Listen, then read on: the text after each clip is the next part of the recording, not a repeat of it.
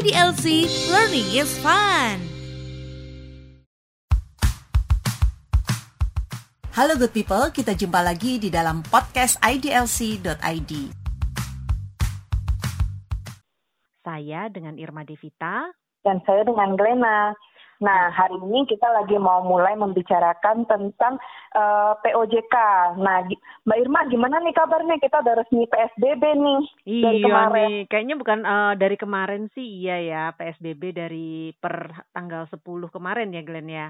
Benar-benar Iya. harus stuck di rumah. Tapi sebenarnya kalau dari eh, diam di rumah aja itu udah dari tanggal 16 Maret kan himbauan dari Udah Gubernur DKI. ya, ya. iya bener nih kalau nggak berjemur nih kita udah pada ini kali putihnya udah kayak orang yang nggak kena matahari. Ini kan masalahnya tiap hari harus berjemur nih supaya mencegah eh, virus-virusnya terus berkembang jadi supaya bisa mati. Jadi dijemur. Nah, akhirnya lumayan deh. Jadi agak gosong-gosong dikit. Nanti kan masuk lagi insya Allah kalau sehat semua kita kayak abis di tanning ya Glenn ya. Iya. Ini kita jadi curiga nih tambah putih di karena nggak keluar atau putih jadi jamuran nih di rumah nih. benar benar benar benar. Yang penting rajin berjemur Glenn. Kalau rajin berjemur insya Allah jamurnya hilang semuanya. Sewarna-warna kulit putihnya hilang. Ntar kita masuk jadi eksotik semua nih ya Mbak ya. iya benar. Nah ini Glenn nih dalam perkembangannya nih Glenn karena terkait dengan adanya eh, dampak dari coronavirus disease 2019 atau dikenal sebagai COVID-19. Ini kan eh, sekarang nih berdampak banget ya sama semua dunia usaha. Bayangin aja kita betul-betul Iya.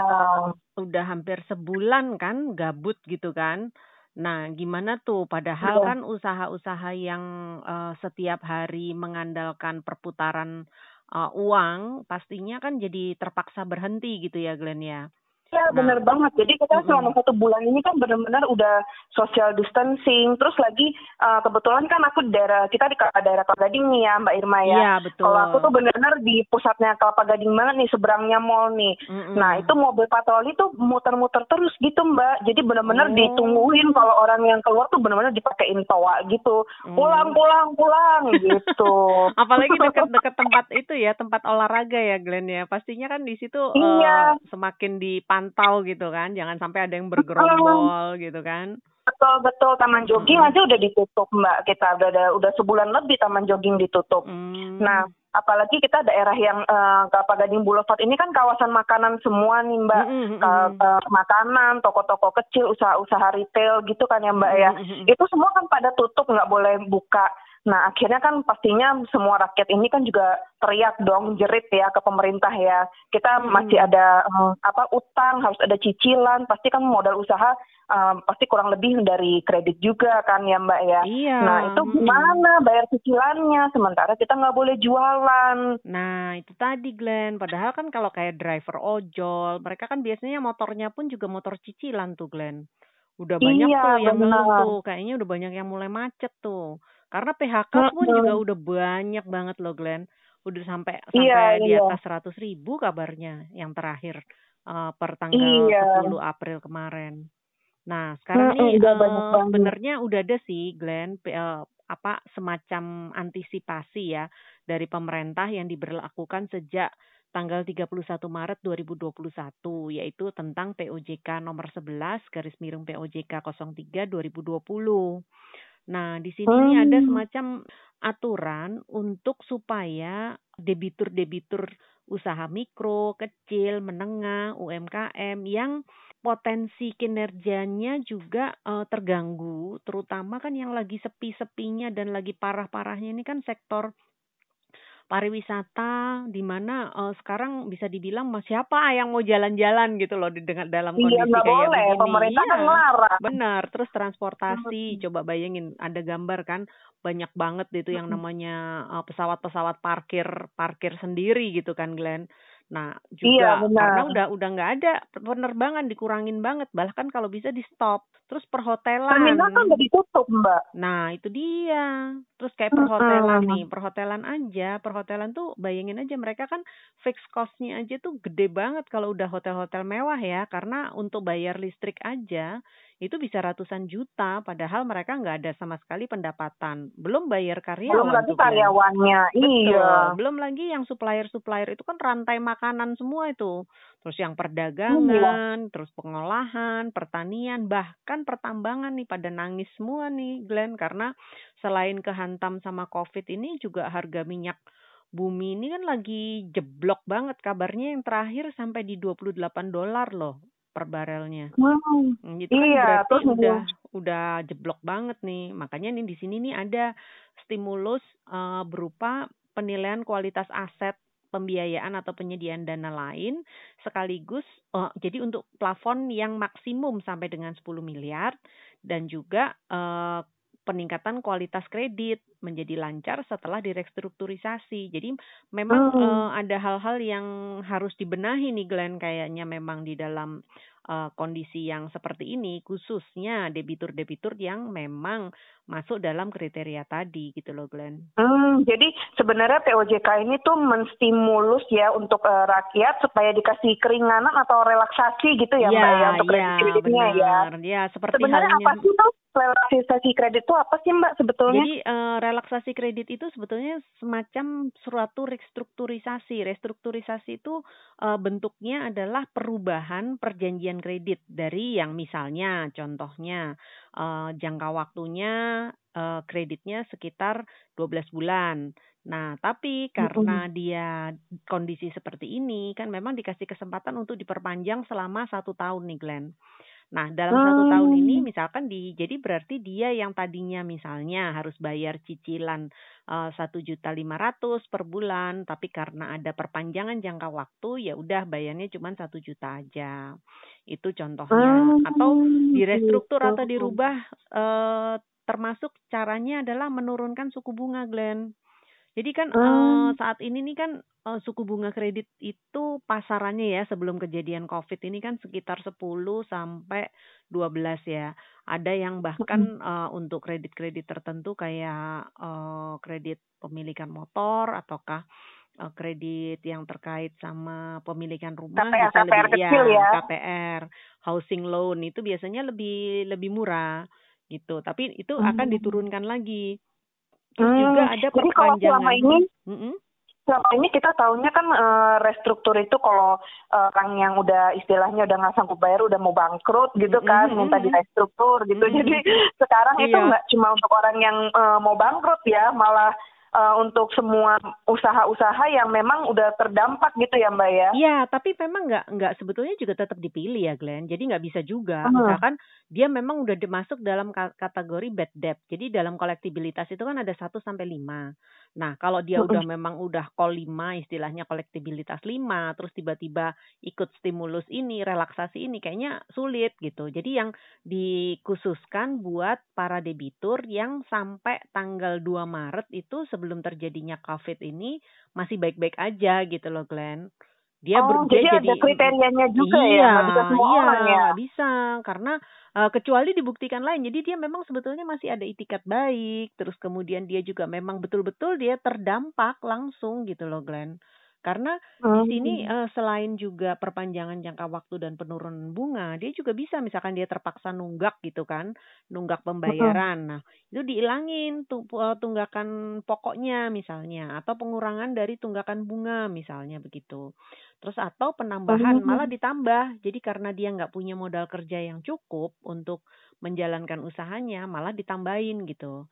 Jadi dikasih napas lah Hmm. istilahnya. Karena kan bisa terjadi nih ya kalau misalnya semua debitur macet, bank itu juga NPL-nya kan akan menjadi tinggi banget gitu loh Glenn. Iya, terutama kan? kayak bank-bank kecil yang ternyata dan sumber dananya mereka juga sebenarnya pembiayaannya dengan executing atau channeling dari bank-bank besar ya, Mbak ya. Iya betul.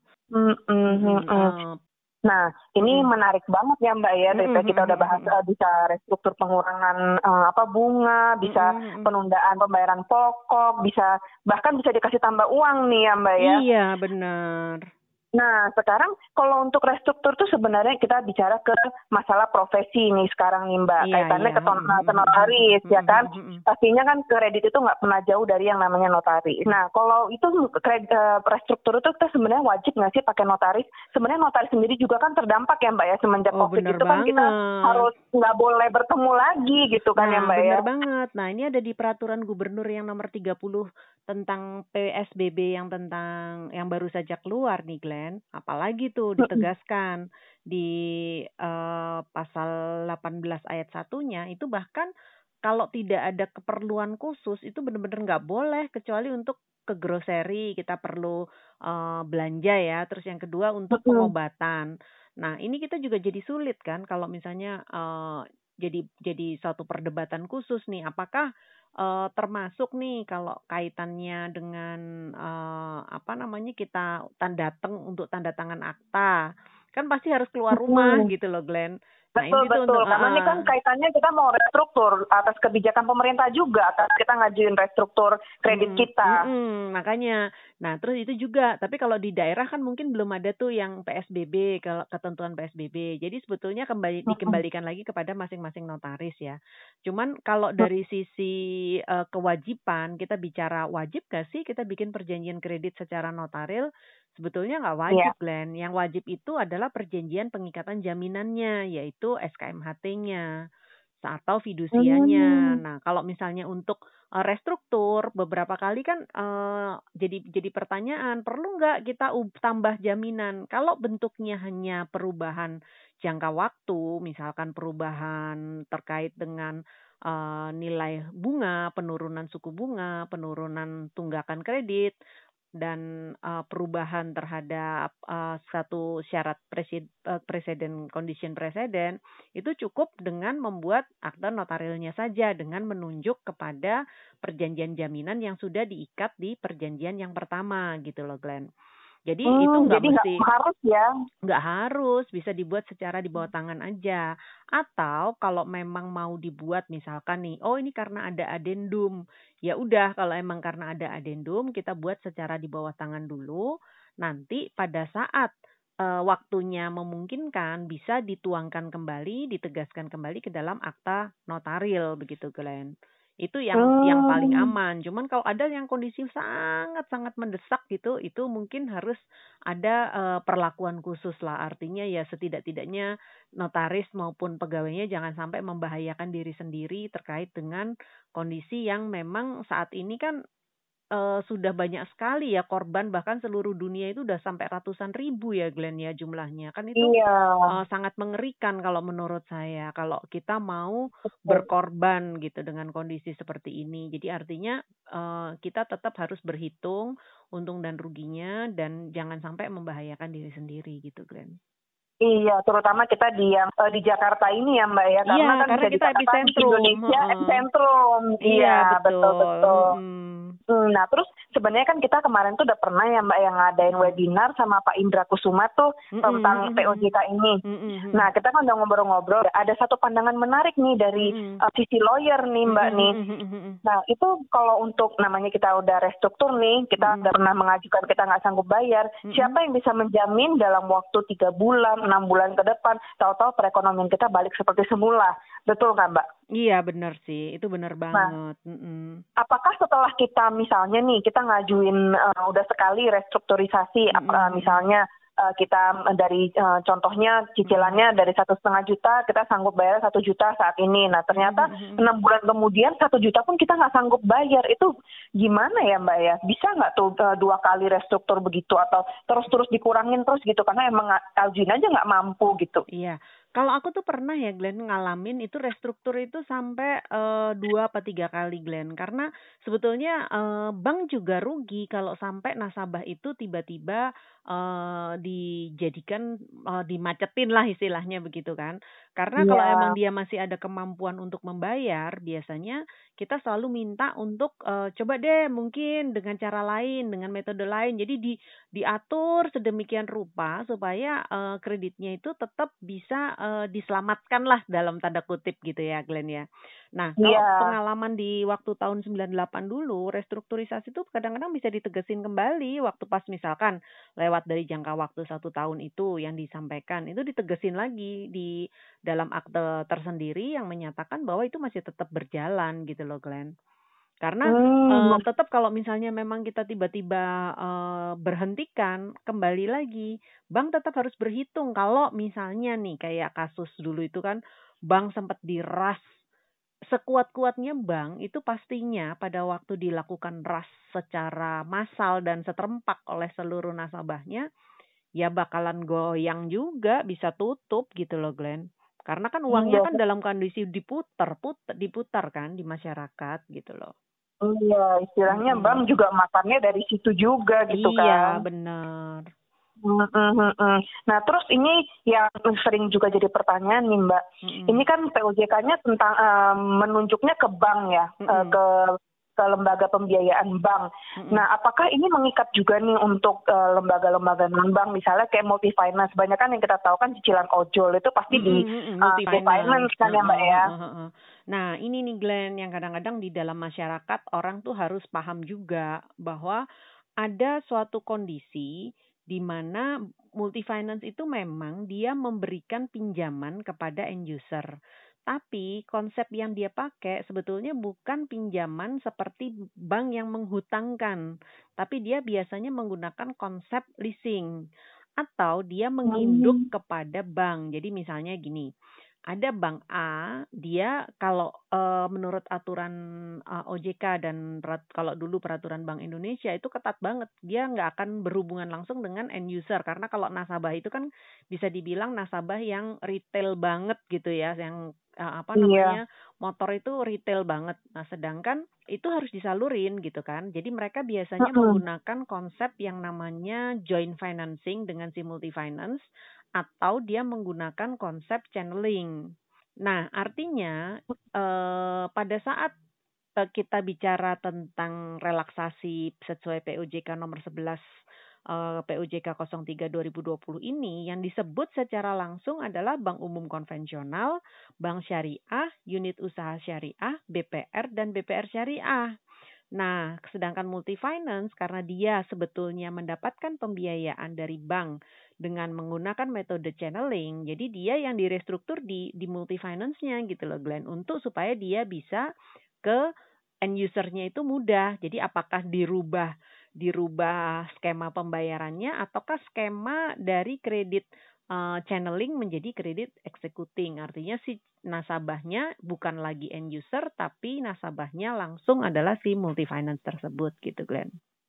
Hmm, nah, sementara yang menjadi eh, apa dilematisnya buat para multi finance ini kan Mm-mm. mereka nggak termasuk dalam kriteria yang disebutkan dalam POJK atau yang Mbak ya. Mm-mm, Hanya untuk mm-mm, debitur-debitur mm-mm. yang di bawah 10 miliar atau yang benar-benar bisa membuktikan terdampak langsung ya Mbak ya. Nah, itu kadang-kadang itu yang menjadi problem ya Glenn ya memang. Cuman Mm-mm. eh, pada pada prakteknya memang mereka juga akhirnya ada loh edaran dari apa namanya multi finance yang menyatakan bahwa memang eh, bisa dilakukan perubahan ya lo datang aja gitu loh. Cuman nggak nggak bisa serta merta tetap harus diseleksi juga gitu loh Glenn. Iya, jadi nggak ada istilahnya eh, orang eh, ini ya memanfaatkan gitu ya Mbak ya. Iya. Yang sebenarnya mm. mereka nggak ada dampaknya, malah bisa jadi orang yang mendapat keuntungan tanda kutip kan karena kita juga tahu ya Mbak ya ada Iya, beberapa betul. sektor yang malah jadi naik ya kan, tapi karena ada ada istilahnya peluang dari pemerintah terus dimanfaatin gitu ya Mbak ya. Mm-mm. Nah ini seperti kayak misalkan ada eh, dari BCA Finance dia ngeluarin update untuk tata cara restrukturisasi atau keringanan pembiayaan. Nah debitur katanya cukup mengisi form dengan melampirkan kopi Mm. KTP dan foto selfie sama kendaraan, nomor STNK dan juga eh, foto tempat usaha yang te- termasuk terdampak COVID gitu loh. Baru kemudian mere- Hmm. mereka bisa diperhitungkan dari eh, kondisi-kondisi yang disampaikan gitu. Jadi Hmm, artinya itu aja memang masih diperhitungkan ya. Mm-mm. Jadi artinya tapi kan eh, mungkin itu bisa terjadi bisa disampaikan bisa jadi eh, acuan juga gitu loh Glenn. Hmm, nah, yang aku dengar lagi nih Mbak yang terbaru nih ya Mbak ya, ada siaran pers nih untuk eh, kur kredit usaha rakyat tuh, Nah, yang iya, bagi iya. UMKM. Mm-mm, betul betul. Itu bisa ditunda bunga dan pokoknya selama enam bulan ya mbak ya Nah, benar iya, nggak sih itu mbak? benar, benar tuh Glenn. Kalau memang memang dia masuk dalam kur kan memang sebetulnya masuk dalam kriteria yang POJK 11 tadi ya Glenn. Jadi itu kayak turunan Hmm. gitu loh. Siaran pers ini kan sebetulnya Hmm. bukan undang-undang, tapi kan tetap mengacunya kan ke POJK yang nomor 11 ya Glenn ya. Karena kan Hmm, iya eh, iya. iya kan? Karena kalau misalnya Mm-mm. terkait dengan POJK nomor 11 ini kan pastinya kondisinya itu berarti ada sesuatu kondisi-kondisi khusus gitu loh Glenn. Hmm, iya Mm-mm, iya ini Termasuk kur, kita kur ini kan kredit usaha rakyat kan? Iya, itu terutama orang yang kayak ini ya. Dia sebenarnya sih pemerintah ngejarnya kayak warung-warung yang akhirnya harus tutup gitu iya, ya, Mbak ya. benar-benar. Terus eh, banyak sih kalau mereka dapat dapat kredit yang bayarnya, aku tuh pernah eh, dengar juga yang bayarnya seharinya itu cuman lima ribu rupiah, Glenn. Jadi itu Ya tiap hari ampun, bayarnya. 5.000. Heeh. Jadi memang untuk pembiayaan yang eh, ini modal-modal kerja masyarakat gitu loh, Glenn. Hmm, iya Mm-mm, sih, ya benar ya. Soalnya kalau ng- ngincernya ke terlalu umum, ya istilahnya ng- nggak ngebantu rakyat juga. Jadinya Iya, kayak betul. istilahnya orang yang masih eh, apa masih di atas lah, masih sanggup bayar, jadi ikut-ikutan juga gitu ya. Betul, betul. Eh, kalau kita yang pengen eh, ikutan diskusi sama kita bisa juga ya Mbak ya join ke webinar kita ya. Kita eh, rutin ngadain setiap Senin jam 10 ya Mbak ya. Oh iya, menarik-menarik banget nih. Apalagi nanti eh, yang eh, dalam waktu dekat ini kita akan ada webinar kan tentang yang wasiat untuk para pasien penderita ODP terus atau PDP dan kemudian juga para tenaga medis yang mau bikin wasiat gimana caranya. Padahal lagi ada Hmm. social distancing nih gitu kan. Terus juga Iya, ada iya. kaitannya terkait dengan eh bagian gimana sih caranya para penegak hukum melakukan notarization ataukah melakukan untuk pembuatan akta-akta notaris dalam kondisi social distancing ini tadi gitu loh Glenn. Itu dengan menariknya kita akan menghadirkan pembicara dari eh Australia, notaris Australia dan lawyer juga, juga Oh. berprofesi sebagai lawyer di Australia. Jadi akan sharing gimana nih kira-kira eh, kondisi yang di Australia dengan kondisi mereka terdampak lebih parah lagi gitu. Nanti ada juga Iya, karena ini eh, apa kaitannya ke seluruh dunia ya Mbak ya yang mengalami bener ya. banget. Memang eh, di sini kita harus sharing dan juga bertukar pikiran dengan berbagai negara yang sama-sama mengalami hal yang eh, kurang lebih sama lah ya Glenn ya dengan kondisi yang ada Iya. saat ini. Nah, gimana sih apalagi anggota-anggota UN UNL gitu kan mereka juga eh, notaris yang berdasarkan civil law pastinya kan harus Iya. berhadapan. Beda kan nanti kita bisa ngambil eh, pandangan dari yang di Australia, notaris di Australia karena mereka adalah eh, common law, mungkin eh, mekanisme atau tata caranya berbeda. Nah, itu buat masukan juga di kita supaya kita juga bisa lebih terbuka wawasannya dan it's Iya. free. Nah, yang penting it's free ya. It's free. Wah, Jadi nih, kalau misalnya mau apa- gabung silahkan. Cuman Iya, nih daftar kita ya, harus banyak daftar. topik yang menarik banget nih ya Mbak ya. Iya, benar. Karena menurut Kita aku ya sebisa mungkin kita Mm-mm. produktif ya selama masa PSBB ini ya Mbak ya. Betul, artinya gini, kita seperti lagi kayak ulet-ulet sutra ya. Kita kalau dalam dalam kepompong, kita ini lagi posisi di dalam kepompong. Nah, kita akan membangun diri sebaik mungkin. Jadi waktu kita keluar dari kepompong, kita udah jadi kupu-kupu yang cantik gitu. Kupu-kupu. iya. Oke, jadi kita Oke. pembahasan hari ini kita ada menarik banget. Nanti nantikan lagi uh, podcast kita yang selanjutnya dan tentunya sekarang kita udah mulai webinar online semuanya and it's for free. Iya. Jangan oke. lupa. Tunggu setiap hari Oke. Senin dan biasanya eh, pengumumannya ada di Instagram @idlc.id. Jangan lupa ya. Iya. Oke, Oke, sampai jumpa lagi. Sampai jumpa lagi. Dah. Dah.